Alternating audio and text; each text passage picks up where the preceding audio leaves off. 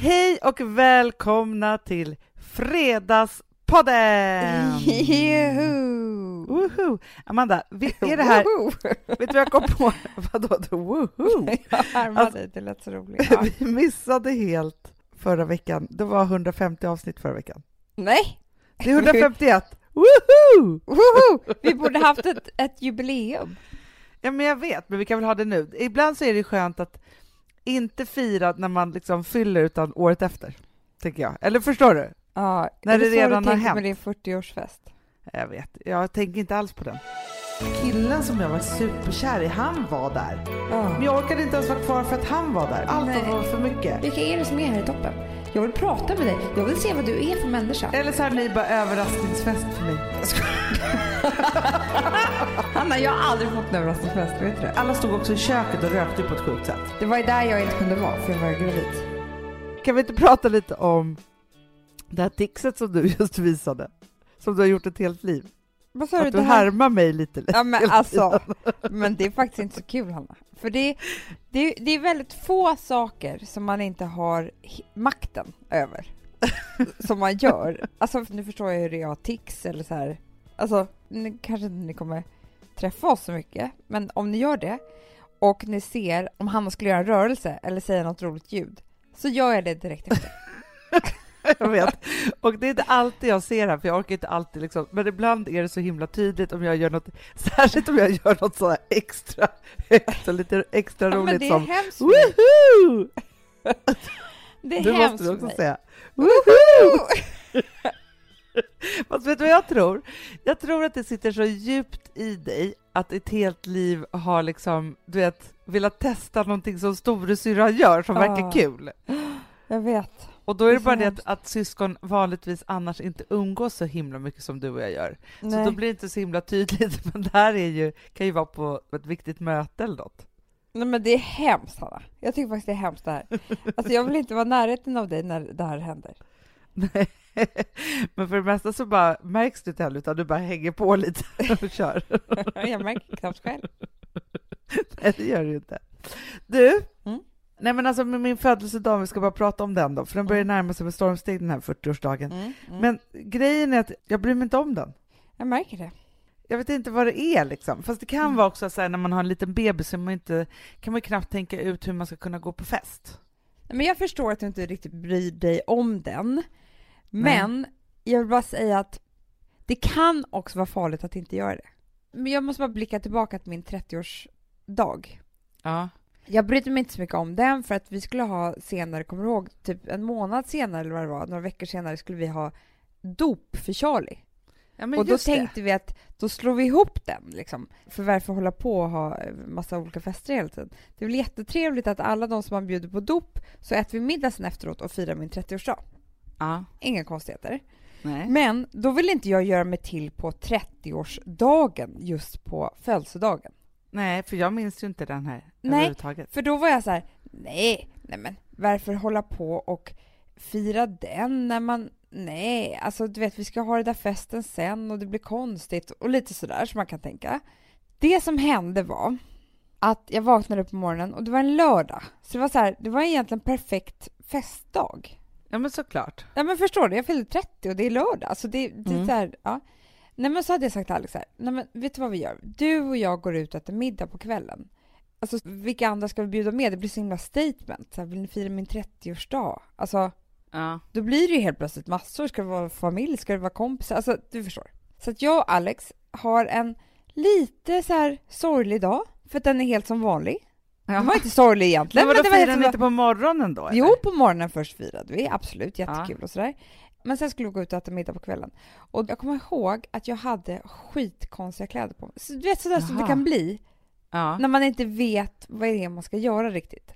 Nej, men när man är utanför sin egen... Ja, Alltså, jag hade ja, det är liksom något- ett fodral som var så här, jag har aldrig haft det innan och jag har aldrig haft det efter. Nej. Jag har liksom sålt iväg den på någon Blocket-affär. För det var så här, ett jättetajt fodral, och det är väl jättekul då, men också jättekort. Ja, men jag Eh, förstår. Ja, men en så här så här typisk krisklänning helt enkelt. Krisklänning. Ja. Jättehöga klackar, Hanna.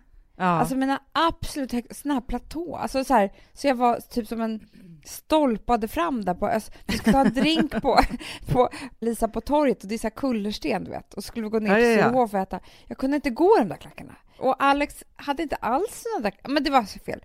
Sen sitter vi där på Sturehof och vet du vad som händer Hanna? Nej. Jag blir liksom inte brusad eller glad eller någonting. Det slutar med att jag har i och för sig världens finaste man som säger så här, typ precis när vi äter färdigt varmrätt bara vill du åka hem? Jag bara ja. Ja. Och så sätter vi oss i en taxi klockan tio med den där konstiga klänningen. Åker hem och så dricker vi te och så gråter jag i hans famn. Och så somnar vi. Nu vill jag gråta. Men det var så Hanna, det var liksom Det var Nej, inte- det blev fanns- inte bra. Det blev inget bra. Det spelade ingen roll hur mycket champagne vi beställde in eller vi skulle äta skaldjur. Det var inte gott. Alltså, jag hade tänkt fel runt hela den här dagen. Och det var inte så kul att fylla 30. För det enda som är kul med att fylla år, det är om man fyller år med ens vänner. Att man har en trevlig Ja, men det stund. är ju så. Men det är därför jag tänker, för jag har inga vänner, jag skojar. Nej men, nej, men det är därför jag tänker så här. För du och jag, vi bestämde ju redan för typ så ett år sedan att vi skulle ha gemensam 35 och Ja, 40 och det ska vi. Ja, Ja. det ska vi ha. Men det är ju skitlångt dit. Jag. Så därför skulle det kunna hända samma sak med dig nu. Ja, men jag vet, men, och grejen är så här, jag tror att det är därför. Och sen så är det också så att jag ska ut och resa och kommer hem dagen innan. För jag Mm. fyller också 40 på en lördag. Ja, Alltså du kör ju liksom... copy-paste min 30. ja, men jag vet. Och sen så tror jag så här, jag kan inte se framför mig hur den här dagen ska bli. För att ett, så kommer vi komma hem från en resa. Två, jag kommer vara jetlaggad. Mm. Tre, jag har inte ens liksom haft en middag typ hemma. Alltså så här, middag med vin och vänner hemma sen Ville kom. Liksom. Nej, alltså på nej, en hel graviditet, typ på ett år har jag inte haft det. Ja, för man är så här, man vet inte liksom om han vill vara vaken hela kvällen eller om han vill sova. Alltså för man vet ju ingenting. Det är så här, alltså, jag fightas faktiskt med den här tanken lite hela tiden, för Gustav var så här, han bara, men på fredag ska inte vi, för helt plötsligt blev vi så här barnfria från våra två andra barn på fredag Mm. kväll. Mm. Han bara, ja ah, men vi är bjudna på födelsedagsdrink, ska inte vi gå och äta middag på det där stället som vi har pratat om och sen gå förbi den här drinken? Och så skulle han så prata med mig om det igår, jag bara, prata med mig om två dagar igen om det. Så jag för då kunde jag inte alls ta in det här, för jag kunde inte se hur det här skulle bli trevligt. Nej. Och då vet jag också så här, tre månaders bebis, alltså snart fyra månader då, Mm. då är det precis så här. Man ska inte Mm. vara någon annanstans. Liksom Nej, så. Alltså, och det gud, blir bara jag har fel. tvingat mig ut så mycket på såna konstiga grejer just för den här tiden. Och det kan man ju göra, fast det blir inte speciellt trevligt. För Nej, det, precis. det är ju inte rätt. Nej, utan det är liksom som att gå emot naturen på något Mm. sätt. Det kommer bara bli liksom fel. Ja. Och grejen är så här, så vet jag ju så här, ja, men jag hade två tillfällen liksom före jul typ där jag gick ut och tog en drink, Ja. men då var han så himla liten så jag tror att han inte ens såg vem det var som var hemma eller inte. Förstår Nej, men du? Nu är han framförallt ju något så var annat. Gustav hemma. Och det Ja. är ju något annat. Om ni ska båda göra någonting så blir det nog... Ja. Nej, men också så vet jag också så här, att om jag då ska gå och äta middag och gå på en drink med bebis, Mm. då är man ju också så som ett undantag på festen. Alltså förstår du, det är inte så tre- alltså, Nej. Folk tycker det är trevligt fast inte så trevligt. De tycker det är trevligt i typ Men 30 framförallt har inte sekunder. du så trevligt heller. Nej, exakt. Så då kommer jag ju stå där och vagga lite och alltså så här, vad ska jag göra för jag kan ju inte förlora mig i någon drink och någon snack. Nej. Och visst, man behöver inte dricka då, men, liksom, men så här, allt är lite fel liksom så. ja. Ja. Och det kommer det vara tills typ efter sommaren. Mm. Alltså jag kommer ju vara upptagen av att jag har en liten bebis. Mm. Liksom så. Och det är inga konstigheter. Men jag har en inre röst som är så här, liksom ett inre sug som är sugen på lite nightlife och lite drinks och lite liksom, jag förstår att, att allt ska bara vara som vanligt. Jag vill inte klubba. Nej men det är det, man vill höra housemusiken. alltså, jag känner puls. Nej. Basen. så hemskt. Nej, men det är inte det. Men du förstår vad jag är ute efter. Men samtidigt så har jag en annan röst. Det är som två stycken som håller på och bråkar och bara så här, fast ge upp bara. Det är ingen idé nu, liksom så. Men nu har jag i alla fall bestämt då att vi ska ha liksom typ drink här hemma, för Gustav var så men om vi köper massa bubbel och så kan vi göra snittar så kan folk komma, alltså Ja. så att familj och några nära vänner kan komma då. då. Ja. Alltså Ja. så, inte, för alla andra vänner ska ju komma sen på den här festen liksom. Så. Ja. Nu pratar vi om verkligen de närmast sörjande. så. Och det är ju jättebra. Och så Ja, men vad bli. blir det av det? Har ni tänkt på, för det här jag vill att du ska tänka igenom nu Hanna. Ja. Vad blir det av det egentligen? Jag menar inte att det blir något fel, jag menar bara att du måste tänka efter så att du vet exakt vad det är. Alltså så att du inte sitter där, för det var det jag drabbades av. Att jag bara tänkte så här, men så här blir det där, lite så här. Och det lät trevligt på pappret, men när man satt där så var det inget bra. Nej, men vad ska jag göra då? Nej, men jag, jag vill bara att du ska vara beredd. Ja, men jag känner också att jag skulle kunna låtsas på att det var en vanlig dag. Ja, för det är jag nästan mer för, för att det här halvfirandet, det är det som är sorgligt tycker jag. Ja, men jag vet. Men sen ska vi ha ett helfirande då. Ja. Fast jag tänker ändå så här, det är konstigt om inte jag bjudit in min familj på 40-årsfest, eller 40-årsdagen. Förstår du? Nej, men då tror jag att det är ännu trevligare att äta middag spagetti köttfärssås. Ja, du tänker så. Ja, för det finns någonting väldigt så här, eh, förlåt, mormor och morfigt över vi bjuder in till tårta och champagne Ja. på dagen. Eller så har ni bara överraskningsfest för mig. Hanna, jag har aldrig fått en överraskningsfest, vet du det? Nej, vet men du hur många jag har ordnat i mitt liv? Så Ja. jävla många överraskningsfester som finns på mitt samvete. Inte en jävel har tänkt tanken om mig. Men det var ju därför jag gjorde en överraskningslåt till dig. Jo, det, det var för sig väldigt fint. Det är det jag har. det är det du har. Ja, men grejen är så men vet du varför jag tror att ingen gör överraskningsfest för dig? Nej? För att du är så himla kontrollerande med det där med festerna. Ja, det är sant. För det första så är det ofta så här när man gör överraskningsfest och så, det är ofta för någon som det kanske är lite synd om. Nej, jag vet inte. Nej, men man har ju ofta så här överraskningsfest för att det är någon som kanske inte tänker någonsin på festen, eller Nej, nej, nej, som inte skulle ordnat det själv. ja, att det liksom finns en sån anledning. Men du är, älskar ju att ordna fester. Ja. Och sen så är det ju också så att du liksom pratar om det här så länge innan så, så att det är svårt att överraska dig. Ja, jag vet. Ja. Och sen så är det också, är man ju väldigt, väldigt rädd för också att du ska bli besviken. Så då är det lika bra Gud, vilken hemsk människa du får mig att låta som. Nej, fast vet du jag måste faktiskt säga sak också, för att när jag Du fyllde också, 25 Hanna. Rädd för Nej, men jag vet, men jag är likadan. Ja. Men för jag kan säga så här, alltså när jag fyllde 25 Ja. så hade en av våra underbara kompisar, som är överraskningarnas drottning, Ingela, Ja. hon hade ordnat den finaste, alltså det var ju som att jag skulle gifta mig, förstår du? Det var ju Men liksom, vänta, varför kommer inte jag ihåg det här? men jag vet inte ens om du var med. Men snälla, var var det någonstans? Nej men alltså det var ju en hel överraskningsdag. Jaha. Det började med, det sjuka är att jag också minns att jag hade haft någon kille som sov över hos mig på natten också. Alltså det här var en lördag morgon då. Jag hade väl redan varit ute på fredagen, liksom varit, alltså så, förstört den här dagen. Nej men så. Men jag fick honom gå, för på morgonen då så stod det då utanför min lägenhet Mm. massa kompisar, men inte Mm. du då, då. Jo, men jag vet ju Ja. inte det här än. Ja. En raggarbil som Aha. vi skulle hoppa in i. Ja. som tog oss till typ Plaza Hotels spa. Jo, men jag tror jag var med här. För där hängde man alltså när man gjorde överraskningar så, då var det ofta där på det där Spa. spat Det var en bubbelpool där vi satt. Ja, men Ja. jag kommer ihåg det här nu, Hanna. Ja, så var vi där i den här bubbelpoolen. Mm. Sen efter bubbelpoolen, det här är faktiskt jätteroligt som jag Mm. kom på nu, så åkte vi vidare med den här raggaren och raggarbilen. Mm. Och sen var det så att vi då vid Nytorget stannade och där var en hel karavan med raggarbilar. Jaha. Ja. Ja, så där det satt jättemånga kompisar och det var hembränt i de här och hit och dit och liksom så. Ja. Aha. Ja. Och så följde alla de här kompisarna då med till en studio Mm.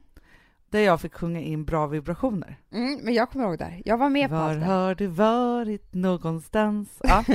Så sjöng jag in den och det stod massa då och tittade. Det var ju liksom som, som en sån här möhippa och lite förnedring i det och lite så här, ja men det var liksom allt möjligt. Ja. Men sen så var det här som gick fel då. Ja. För sen var det då fest Ja. nere i en källare på Söder. Ja. Och grejen är ju så att, alltså Ingela älskar ju att ordna såna saker och alltihopa och så här. Men hon, hon är ju också en sån som gör kanske mycket också för att hon älskar det så mycket själv. Förstår du? Att Ja, man ja, ja, bort ja, vad exakt. tycker den här personen om egentligen? Nej. så. Jag kommer ihåg exakt det här och det var liksom väldigt mörkt i den där källaren. Ja, men, och grejen är så här att jag skulle gå ner i en källare. Ja. Alltså jag får panikångest av bara tanken. Ja, Att det skulle vara så i en mörk källare med något hembränt och massa raggare. Alltså förstår du, det var liksom inte alls min... det var inte du, min och det melodi, var så liksom. lite konstiga drinkar, alltså det var inte så något gott eller, utan det var så här, ja men lite raggarstämning. Exakt. Och grejen är så här, jag minns också så att fram på eftermiddagen, för det här var ju en otrolig anspänning också. Alltså Ja. allt var så jobbigt. Du fick ont i huvudet.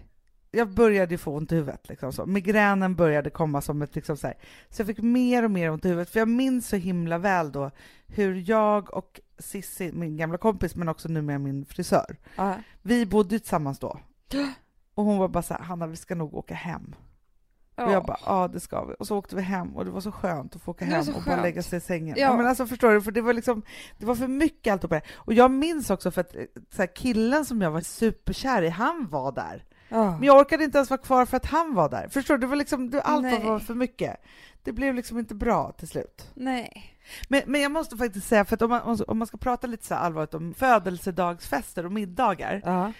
Grejen är att det är när man har ordnat allting helt själv och man är liksom på det kalasbenet, det är då det blir som roligast. Liksom, så.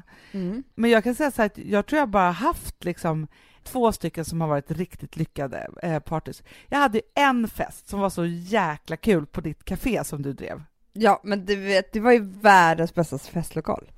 Där Ja, hade jag ju så också min 20-årsmiddag.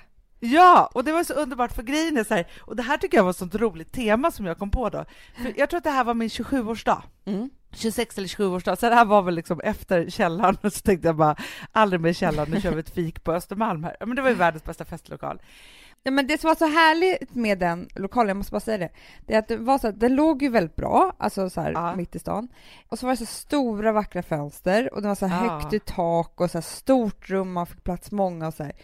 Och sen så var det ju som att vara hemma för att vi bara stängde dörren, det var ju vår lokal så vi kunde ha egen alkohol och köpa vin och så här. Så det blev ju inte så himla dyrt heller, det var inte som att vara på restaurang. Och så kunde man liksom, eran eh, härliga kock där som Ja. gjorde någon härlig buffé och så var det liksom det man betalade för. Och så kunde man bara säga så här, alla tar med sig en flaska. Liksom Ja men så. det var fantastiskt. Och sen så var det också så härligt för att då kunde man göra ett långbord och då var det ju soffor på ena sidan. Ja, Kommer du ihåg? Så ja. att hela långbordet fick ju soffor och så stolar på den andra. det var ju där man stod och dansade sen. Ja, det var så fantastiskt. Och då gjorde jag ju så att jag bestämde mig för att ha men en jättestor tjejmiddag. Så jag Ja. bjöd in 30 tjejer. Jag bestämde mig för så här, nu tar jag liksom alla mina tjejer och sen så tar jag också alla de här tjejerna, liksom de här på jobb. Alltså man har ju olika så här, tjejgäng som man umgås lite med liksom så. Mm. Så att det här blev liksom så här världens härligaste tjejmiddag. Mm. Och där alla till slut höll otroliga tal. Liksom så. Och Ja. Jag tror att det var så här, tjejer som kanske hade liksom haft liten så här, kant i sidan till varandra och bara så här, de blev vänner och det pratades och det var, liksom, alltså så här, det var en otrolig stämning. Mm. Och sen så hade vi drinkbord på köket. Så kul! Så kul! Så då blev det liksom nattklubb sen senare. Ja. Så jävla kul. Ja, men den var ju liksom lyckad. Men jag älskar ju liksom att sätta de här temana att liksom, och göra det där ordentligt. För det är som när jag, min sista så stora födelsedagsfest som jag hade var ju typ när jag fyllde så här 33, 34 kanske. Mm. Precis när jag hade träffat Bankis var ju det. Bara Mm. ett par månader efter. Mm. Och du var ju gravid så det var inte så kul för dig Nej. kanske. Nej. Men då i alla fall gjorde vi så att vi tog typ bort alla möbler i en hel lägenhet. Mm. hyrde lilla DJ-paketet och så alla kompisar som älskar att spela skivor fick spela skivor. Och så bad vi folk att ta med sig en flaska bubbel. Ja, så kul. Och så hade vi liksom världens största liksom champagne. Alltså vi tänkte så här, när folk kom, för folk hade liksom överdrivit det här, de hade inte med sig en flaska, de hade med sig fem flaskor Ja. var typ så. Vi tänkte så här, det här kommer aldrig ta slut. Nej. Men alltså klockan tre på morgonen fanns det inte en droppe kvar. Du skämtar? Och det var en så rolig fest. Det var liksom så här lägenheternas lägenhetsfest. Liksom. Alltså jag tror att det var 150 personer som passerade denna lägenhet under denna kväll. Nej. Bara öppen dörr och det bara pågick. Och, du ihåg, alla stod också i köket och rökte på ett sjukt Ja, sätt. ja, det var ja, liksom, ja. där var det så här Det var ju där jag inte kunde vara, för jag var gravid. Exakt, men det förstår jag verkligen, för det var ju som en askkopp, som att stå i en askkopp. Ja, men det var sån superröjarfest och som var hur kul som helst.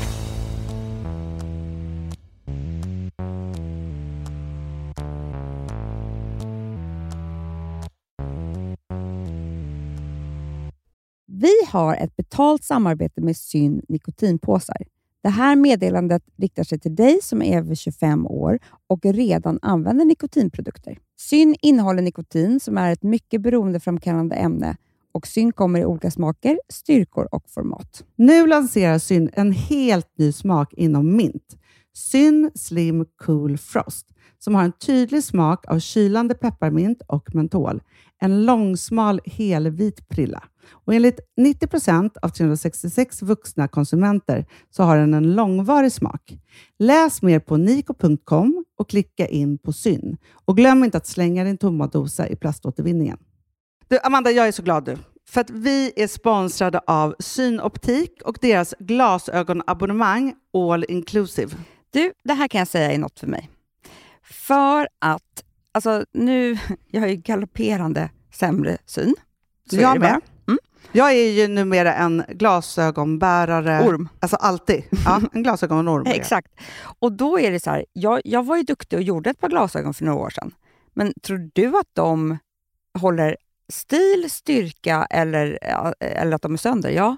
Alltså, det är liksom, de måste ju bytas ut. Det är ju inte så att man kan skaffa ett par för resten av livet. Nej, nej, men här, om du då har synoptik all inclusive så är det så här att då kan du byta ut ett par per år, vilket Mm. är otroligt, vilket man verkligen behöver.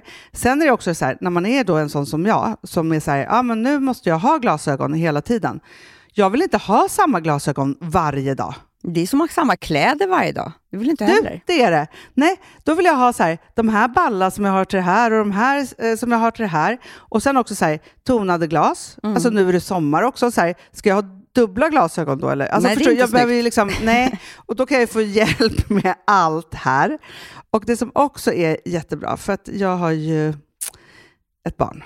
Jag har flera barn. Men ett Mm. barn som älskar att ta mina glasögon och typ slänga iväg dem. Och då är det så att all service ingår, som fria glasbyten, Men och synundersökningar, Hanna, för min blir sämre. Jag måste göra en ny synundersökning. Alltså, det här är så Ja. bra. Allt det här är inkluderat i en fast månadskostnad från 90 kronor i månaden. Inga oförutsedda kostnader. Nej. Dessutom så får du alltid 30% på alla glasögon och solglasögon när Mm. du tecknar ett synoptik all inclusive. Läs mer och boka tid på synoptik.se. Det här är så mysigt. Det här är mitt mysigaste. Mm. Alltså Polarbröd, älskade Polarbröd som vi är sponsrade av. De har ju gjort en sak som heter snackmacka. Mm. Jag behöver snackmackan varje dag. Varje dag. För att grejen är så här, att det de har tänkt på är att mm, här, underlätta för vuxna att ta snacket med eh, liksom barnen. Mm. Polarbröd stödjer ju Friends. Eh, liksom. Och det här är ju då en del av det. Att så få höra lite genom en god smörgås. Hur är det i skolan? Hur är det med kompisarna? Eh, liksom få kontakt. Ja, för det är så här, Polarbröd stödjer Friends och det är i deras arbete att motverka mobbing och psykisk ohälsa. Och då behöver man snacka. Det behöver man. Mm. Och då, man, vet du vad, man kan inte bara, nu ska vi sätta oss ner och prata, ut. då blir det läskigt. Nej, då äter man det här mysiga till. Och det de har gjort som är så kul tycker jag, det är att man kan skicka en musikinbjudan Ja. till sitt barn. De har gjort tre roliga musikinbjudningar Mm. och så skickar man det till barnen när man bjuder in. då. Det är som en inbjudning till det är så Snackmackan. kul. Ja. Varje inbjudan kan göras mer personlig genom att man väljer den musikstil som liksom, barnet gillar bäst. Mm. Så. Eller den musikstil som man själv gillar Ja, bäst. det- ja, alltså, det, det kan vara kan lite vara. olika. Eh, så. Nej, men det kan vara så här hiphop, eller rockballad eller ja, elektronisk dansmusik till exempel, Amanda. Mm-mm. Så. Nej, men, och så här, de här tre låtarna är då AI-genererade. Mm. Ja. I låtarna då, det här är så kul, kan flertalet personnamn läggas in. Gud vad kul. Det är så kul. Och, eller så här, smeknamn, eller vad man, liksom, om man inte hittar rätt namn. Och då, gör ju, alltså, då blir ju låten liksom personlig. Alltså gå in på polarbröd.se, eh, läs om den viktiga snackmackan och så kan ni skicka en sån här musikinbjudan.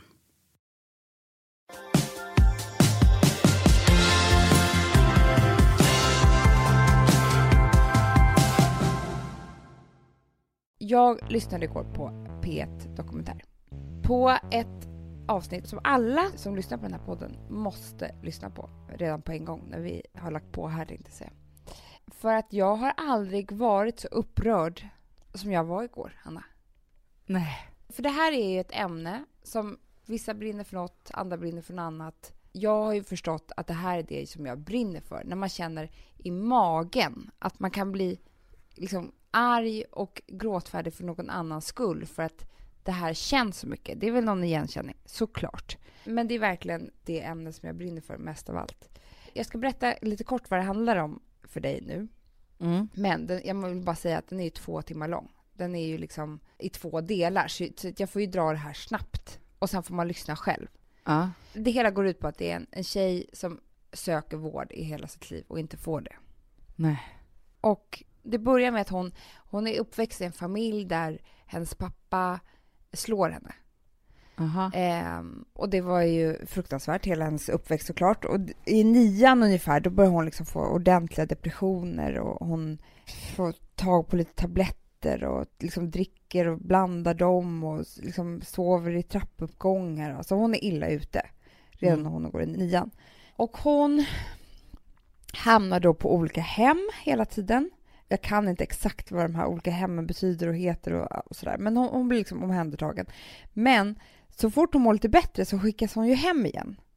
Hon är ju jätterädd för, för att vara hemma såklart, Usch, för den där. Ja. elaka pappan. Och hon berättar ju då om pappan för SOS och alltihopa, men de ringer till hennes mamma och frågar, då säger hon att det inte är så. Ja, men- Mamman är ju Ja. rädd för pappan. Och så då säger de, ja men då är det inte så, då ljuger alltså den här flickan. Vilket gör att hon hela tiden måste ju, när hon är på de här hemmen så måste hon dricka ännu mer och ta ännu mer tabletter och så här för att hon inte, och skada sig. Hon börjar eh, skära sig själv också jättemycket. För att inte få åka hem. Och allt det här blir bara en enda ond spiral. Och det händer massa saker och hon, ha, hon försöker ta sitt liv några gånger och hon är, hamnar på ytterligare ett hem där det är liksom skyddstillsyn eller vad det heter eh, 24 timmar om dygnet och sådär. Men de här jävlarna som jobbar där, jag vet inte vad det är för fel på dem, de märker inte att de här tjejerna som är på det här hemmet, de är 15 år ungefär, 16 år, de börjar prostituera sig. Nej. Jo, och de eh, tar droger och de så här, och då kan man känna så här, vad var de där som skulle, de där vuxna som faktiskt skulle se till att det här inte hände, Ja, vad var jag de blir tokig på det. Ja. Och det här eskalerar. Ja, det händer tusen grejer, ni måste ju lyssna. Men det som händer sen, det är att hon blir av en sån här torsk då, som hon träffar, som hon har chattat med på nätet, blir hon brutalt våldtagen och misshandlad. Vilket gör att hon liksom lider av posttraumatisk stress och ja, men det är ju såklart jätte, jätte, jättejobbigt för henne. Det kommer fram sen, och det här, den här journalisten som gör den här, det här programmet, han, han har ju föl- följt henne under liksom lång tid. Och han försöker leta rätt på den här torsken som vi kallar för Peter just nu då. Men får inte tag på honom. Och sen visar det sig att det är den här Kapten Klänning, Göran Lindskog heter han det. Nej. Jo. Den här polisen, Polischefen. polischefen. Och jag kommer ihåg att Alex läste hans bok eh, typ när vi var i Thailand eller vad det var. Och det är så här, det visar sig då att hon var hans absolut värsta fall. Alltså mest brutala fall. Och då är han liksom, han, han har gjort grejer kan jag säga.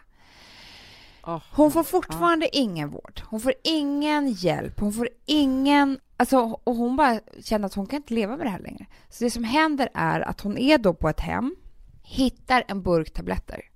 Jättemycket tabletter. Snor dem, springer ut från hemmet. En, skötare springer efter, försöker ta tag i henne, hon slår sig loss. Springer och tar alla de här tabletterna för att ta sitt liv. Någon hittar henne och hon åker in och magpumpas. Nej, då döms hon, Hanna, för att hon har tagit de här tabletterna. Vad då döms? Alltså vad finns det för då? Alltså, Jo, jo, Jaha. jo. Hon har tagit från staten ja, hon, har, hon har hon har stulit, dem. stulit. Ja, hon har stulit dem. Och hon har även misshandlat den här skötaren. Vilket den här, det är en intervju med den här skötaren som säger att alltså, hon har inte misshandlat mig. Det var jag som tog tag i henne och hon försökte slå sig loss. Alltså jag Ja. gjorde inte illa mig. Så det är inte Ah. bara Göran Lindberg nu som är dömd för den här brutala våldtäkten på henne och misshandeln. Utan hon är nu också dömd. För att hon har då gjort det här när hon ska försöka ta sitt liv. Hon får fortfarande ingen vård. Ingen terapi, ingenting. Det, det gjordes någon utredning liksom nå- något år, några in, år innan. Då var det så här, hon behöver terapi och hon ska inte bo med andra såna här ungdomar som är destruktiva. För det är inte bra för henne. Vad tror du händer? Hon hamnar på ett hem med andra såna här ungdomar och får fortfarande ingen terapi. Och får inte gå i skolan heller. Det, det, bara liksom, det bara händer aldrig. Hon bara är ensam på det här hemmet. Fast hon vill hela tiden, varje dag säga jag måste få prata med någon. Får inte. Så då döms hon. Och då hela tiden också är det så hemskt för hon blir ju fastspänd. Hon blir bältad. Och det är precis vad den här jävla äcklet Göran Lindberg gjorde med henne. Vilket gör så här. Alltså förstår du för henne? Ja, det är men bara som man minns allt alltid. trippelt jobbigt. Ja. Nu ska du få lyssna på, från den här dokumentären i alla fall, när hon är på ett sånt här hem där hon nu är dömd till att vara där. Och hon är också dömd till att hon måste få vård och terapi. Det enda hon begär är att hon ska få en kvinnlig terapeut för hon har, lider nu av så mycket posttraumatisk stress att hon kan inte vara med män. Hon blir nervös, hon blir, det, går inte efter Men allting det är hon klart. varit utsatt för. Och hon spelar in ett samtal med den här överläkaren. Mm. Nu ska du få höra. Eh, ja, men först det här eh, när din tanke om kvinnlig psykolog var tänkt. Nej. Ja, men när i sådana fall? Ja, det är sex månader. När du har skött i sex månader så kan vi ställa upp på det. När jag skötte mig sex månader. Ja. Enligt min advokat så blev hon väldigt förvånad för hon tycker att efter att Lindberg blev dömd för den här grova våldtäkten så tycker hon att jag borde ha rätt till en kvinnlig. Att det är en självklarhet egentligen att jag ska få bearbetning av en kvinnlig Vi ska psykolog. inte bearbeta. Det är ingen som tror på bearbetning längre. Ja, fast jag jag tror på det. Ja, men det gör, ingen i vården gör det. Det som har hänt, det har hänt och det är skitsamma hur man tänker på det. Mhm, Och ju mindre vi pratar om det, desto bättre är det. Om sex månader kan läget vara helt annorlunda. Du kan vara frisk. Du kan ha blivit kär och flyttat till Afrika med en svart man. Alltså det, det är så mycket som kan hända. Så Mm. vi ska inte se sex månader framåt i tiden utan gå till Johan. Så, alltså sen, eh, ja, det var det jag frågade på mötet här som du inte ville svara på. Men jag undrade lite det här med min diagnos. Vad det är som du bygger borderline på. För det har jag aldrig fått någon klarhet i förutom här självskadebeteendet. Ja, du uppfyller tror jag alla kriterier på emotionell instabil personlighetsstörning. Men Du funkar alltså, inte i samhället, du har inte funkat i samhället sen, sen du blev vuxen. Att du har stor impulsivitet, svartvitt tänkande. men svartvitt tänkande till exempel. Det tycker jag inte att jag har. För Det tycker jag. på vilket sätt då? Att Ja, jag, det tycker alla som har träffat dig. Så jag behöver inte kvalificera det mer. men kan jag, då krä, kan jag då kräva att få göra en utredning så att jag får det svart det, på vitt? ingen, det, det behövs inte. Det är bortkastad tid. Nej, alltså jag tycker det är viktigt för mig. För det jag har frågat också, det är liksom när jag pratade med Emad förut. Eh, om han tror att jag har posttraumatiskt stressyndrom. Ja, det tror inte jag. Du tror inte det? Nej. Så att du tror att jag har gått helt oberörd efter hur jag har växt upp och den här händelsen med Lindberg till exempel? Det här leder, leder ingenstans. Du får prata med Johan och, och, och ta hand om det. Nej, men det är ju inte så lätt när jag inte får den vården som jag skulle vilja ha och som jag Men tror det, på. Det är så att den vården som du vill ha. Det är liksom, om du kommer till en cancerläkare och säger jag vill ha cellgifter för jag tror jag har cancer. Då säger han nej men du har inte cancer jag kan inte ge dig cellgifter. Jo jag vill ha cellgifter. Fast det är ju inte alls samma sak. Jo det är precis samma sak. Nej, för att om Ja, jag nu bara jag känner... Grejen är ju den att jag ska känna mig trygg till den kontakten jag går och pratar med. Om jag ska kunna prata om saker som jag tycker är jobbigt så då underlättar det ju väldigt mycket för mig att få prata med en kvinnlig. Men gräv inte ner dig i det. Du får ju prata med en kvinnlig när du har skött dig. Och nu gör du ju det bra så att det- kommer ju om, tre- om sex Och månader. sköta med att jag inte gör... är självdestruktiv. Men alltså det här är det värsta jag har hört i hela mitt liv. Nej, men Hanna, Men alltså det är Är helt, det det vem, är, alltså vem är den här mannen och att han har ett yrke där han ska hjälpa henne på ett enda sätt. nej men det är såna här människor, Hanna, som finns. I, alltså, vi snackar alltså om en tjej som har mått dåligt ett helt liv, varit omhändertagen av det här landet, fortfarande inte fått prata med någon. Hon har varit med om det värsta övergreppet man kan tänka sig. Där liksom den här Göran Lindberg, han blev ändå dömd sex år för det här. Hon får fortfarande ingen, inte prata med någon. Alltså på det sättet som den här mannen pratar med henne är så fruktansvärt kränkande. Ah. Att inte bli tagen på allvar för det som man har varit med om, utan han ska liksom slå ifrån det som att det är liksom Mm. så här, om ett halvår så kan det vara annorlunda. Vad är det som ska vara annorlunda då? Så, alltså, han säger emot sig själv. Du kan ha blivit kär en svart man och flyttat till Afrika, säger han. Hörde du det? Ja, men alltså det är så sjukt så att det är helt vansinnigt. Alltså jag blir så, jag känner mig helt maktlös när jag hör det här. Nej, men jag tappar allt hopp. Och, alltså, jag var ju vän med Lina Ljungdahl som skrev den här bloggen Handleder som ni många Ja. har följt. Och hon var i lite samma sits egentligen. Jag känner, alltså, när jag lyssnar på den här dokumentären, den heter Den fastspända flickan på P1 Mm. Dokumentär. Alla måste lyssna på den. Det är väldigt mycket hennes historia. Och jag känner igen så mycket som hon... Hon sa hela tiden så här, men de, de har liksom ett sätt att prata och behandla oss som är så här... Alltså, och jag märker det jättemycket på de här intervjuerna med de här läkarna, de här som jobbar på de här hemmen, så här, att det är liksom en viss attityd man har mot just de här typerna av tjejerna. Mm. Det är så här, ni är liksom, ni har personlighetsstörningar och ni har ingenting att säga till om och er kan man inte lita på. Man, man ska inte lyssna på de här, de vet inte bättre själva. Alltså, så där är det hela tiden. Men alltså, så här, det, det som är så fruktansvärt också, som jag känner bara så här, är... Jag tänker så här, tjejer i tonåren som inte mår så speciellt bra. Om det är så att det finns någon form av manligt förtryck i deras historia så ska de inte ens träffa en enda man på väldigt, väldigt länge. för enda man hon får träffa, liksom- Hanna, hon vill ju ha terapi. Hon har också fått det i sin dom, att hon måste liksom vårdas. Hon har fått terapi.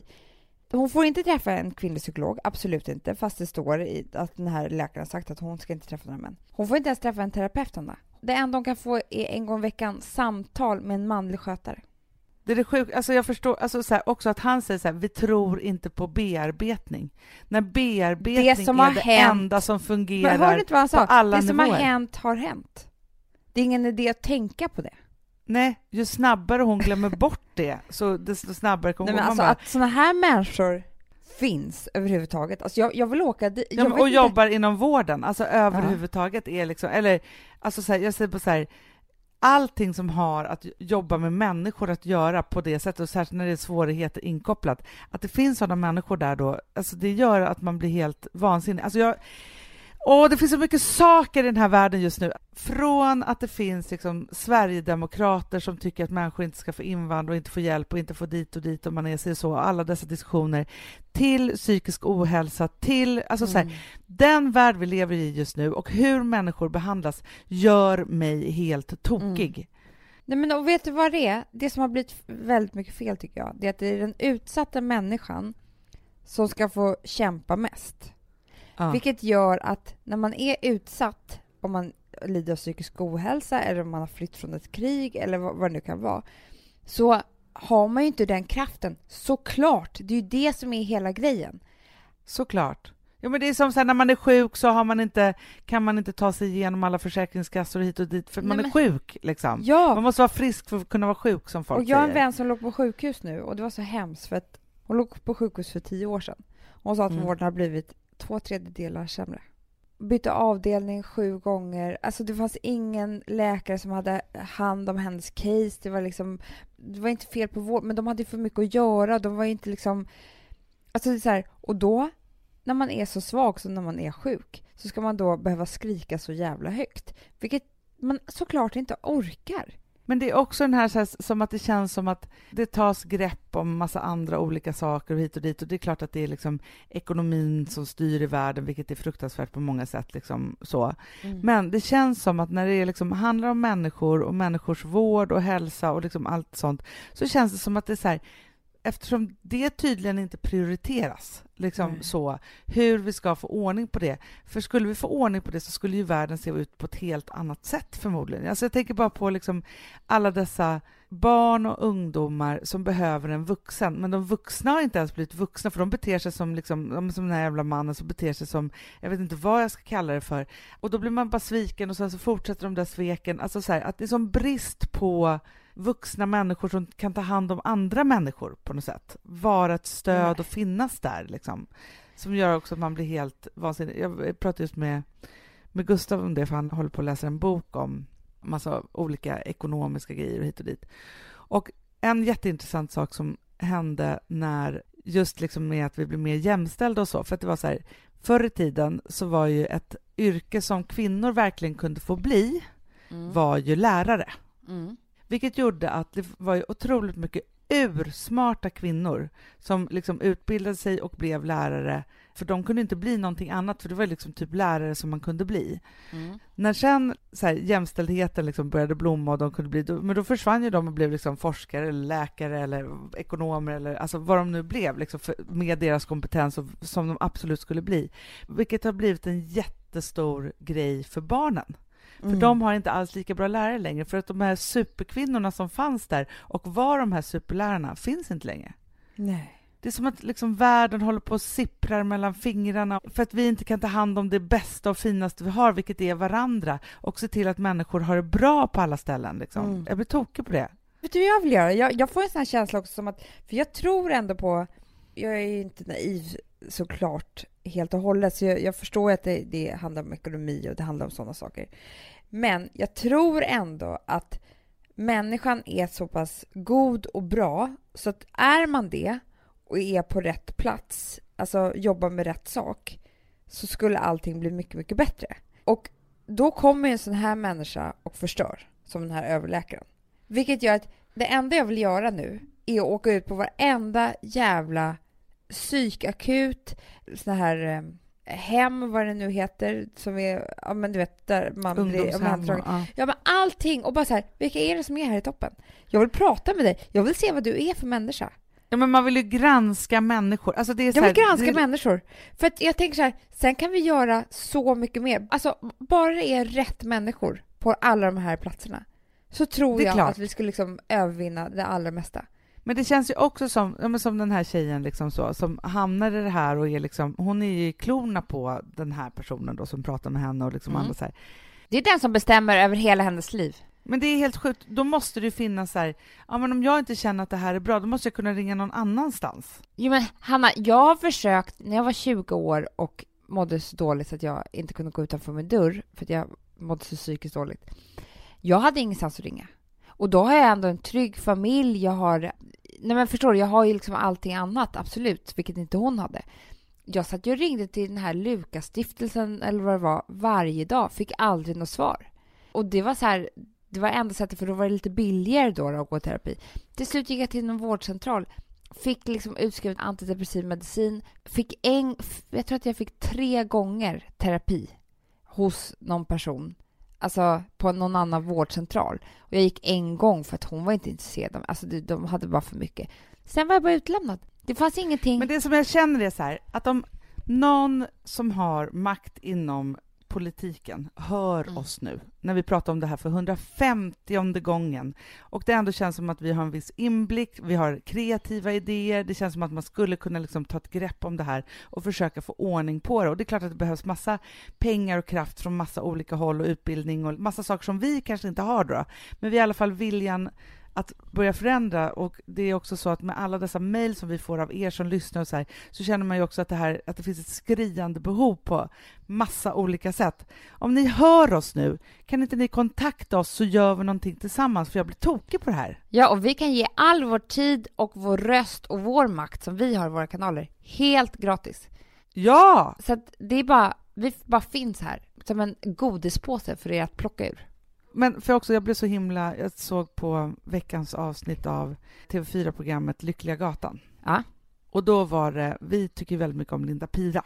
Jättemycket. som vi har följt och jag lyssnade på hennes sommarprat som ju handlade jättemycket om hur besviken hon var på alla vuxna. För Ja. det var ju liksom hennes stora... Hon har också ett sånt här svek i bagaget, liksom ett sånt där Precis. vuxensvek. Liksom att, att ingen tog tag i henne när hon liksom var, var på glid och liksom hörde henne och så vidare. Så här.